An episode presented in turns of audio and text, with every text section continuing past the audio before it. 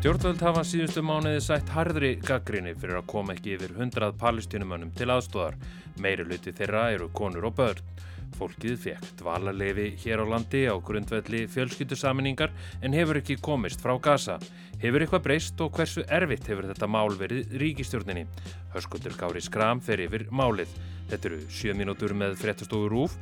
Í dag er miðugudagurinn 14. februar. Ég heiti Freyrki Gunnarsson.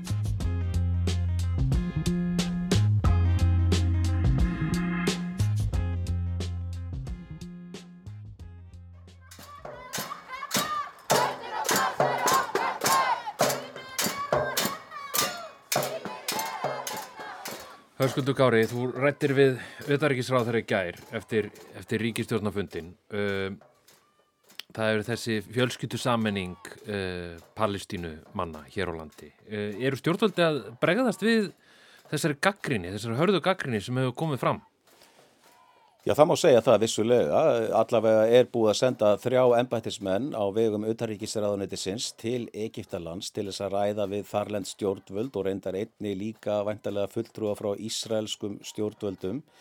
Þessi gaggrinni hefur náttúrulega verið til staðar í nokkuð tíma en það hefur líka tekið tíma að undirbúa þessa sendiför þar að segja þessari tryggja ennbættismanna þannig að það má segja að, að einhverju leiti séu stjórnvölda að breyðast þessari gaggrinni hvað kemur síðan út úr þessari sendiför það verður bara komið ljós. Ég trúi því hins vegar að þetta muni skilja einhverjum árangri um, en það verður bara komið ljós uh, á næstu dögum og eftir aðtökum Það er ráð þeirra að vera bjart sérna á að þessi hópur sem eru svona í kringum hundrað komið til Íslands að þetta skil einhverjum árangri? Þetta veldur á því á viðbröðum egiskra stjórnvalda fyrst og fremst. Það eru þau sem geta hleyft þessu fólki yfir landamæri frá Gaza.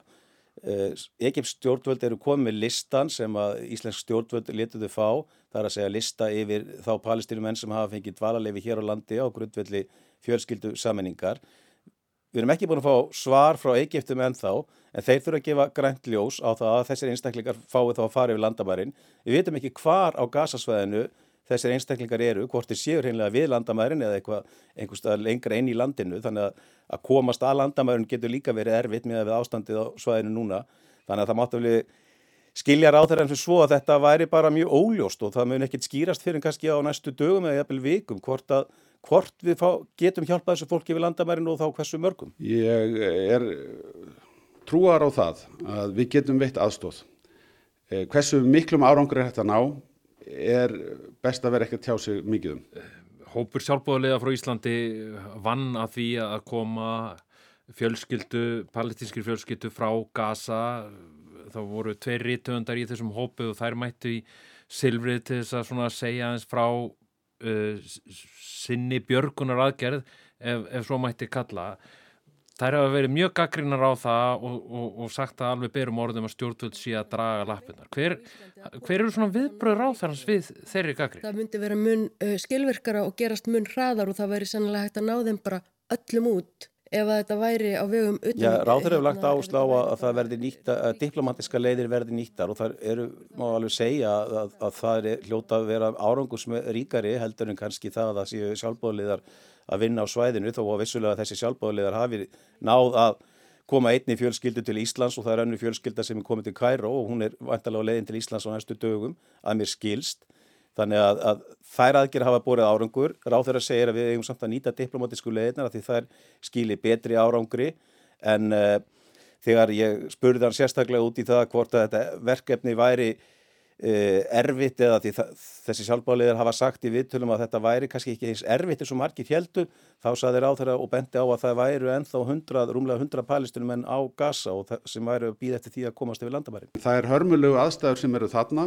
réttleita það að við látum á það reyna um, að stýðja við vegna þess að, að diplomatísk um, aðkoma getur ráðið úslitum en þetta eru flóknar aðstæður. Þetta mál var hefur það á tilfinningunni að það hafi reynd svolítið á, á ríkistjórnarsamstarfi. Við, við sáum þessar tjaldbúður og austufelli þar sem að, að aðgerðarleysi ríkistjórnarinnar var mótmælt sem urður síðan eða til þess að, að, að auðarikisráð þeirra skrifaði fæsla á Facebook þar sem hann fóri yfir stöðu útlendingamála í rauninni hildsinni Uh, hver er svona þín tilfinning? Er, er þetta enn eitt dæmið um það að það sé svona núningur í ríkistjórnarsamstærunu? Það er alveg augljóst að það er núningur og, og flokkarnir eru með mismöndi sín á það hvernig beri að, að höndla þennan sí, málaflokk, útlendingamálin og hælisleitendur. Sjálfstæðismenn vilja herða lögin og segja að þau séu ekki nægilega hörð hér á landi og hafa bent á uh, Skandinavíu í því samíki og, og, og segja við þurfum að gera bara okkar lög að svipuð og gengur og gerist þar.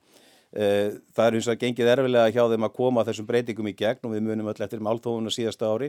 Þannig að vissulega eru á, mikill áherslumunir á milli þessara tvekja flokka og það hefur líka alveg komið fram í máli Katrínar Jakobsdóttur, fórsettisáþurra, Guðmundur Inga Guðbrandssonar, uh, félagsmálar á þeirra. Þau hafa bæði sagt að þetta fólk eigi að koma hinga til lands á meðan sjálfstæðsmenn hafi, hafa svona meira verið að tala um þetta sé erfitt og flókið og kunna taka tíma og ekki endilega sjálfgefið og við séum að taka mútið fleiri dvalarleifis höfum heldur en Norrænu ríkin og svo framvegs og svo framvegs þannig að það er alveg augljóst að það er mikil meiningamunur hérna að millist þeirra tvekja flokkar. Er þetta mál sem að stefni ríkistjórnarsamstarfun í einhverja hættu? Þetta er bara enn eitt mólinn, þetta er ekki, ríkistjórnum mun ekki falla á þessu máli akkurat núna, uh, sínist mér en svo er þetta pólitík og þetta getur breyst alveg uh, frekar hratt og, og, og við vitum það hreinlega ekki en, en akkurat núna myndi ég segja að þetta sé ekki mál sem muni sprengja ríkistjórnuna, nei.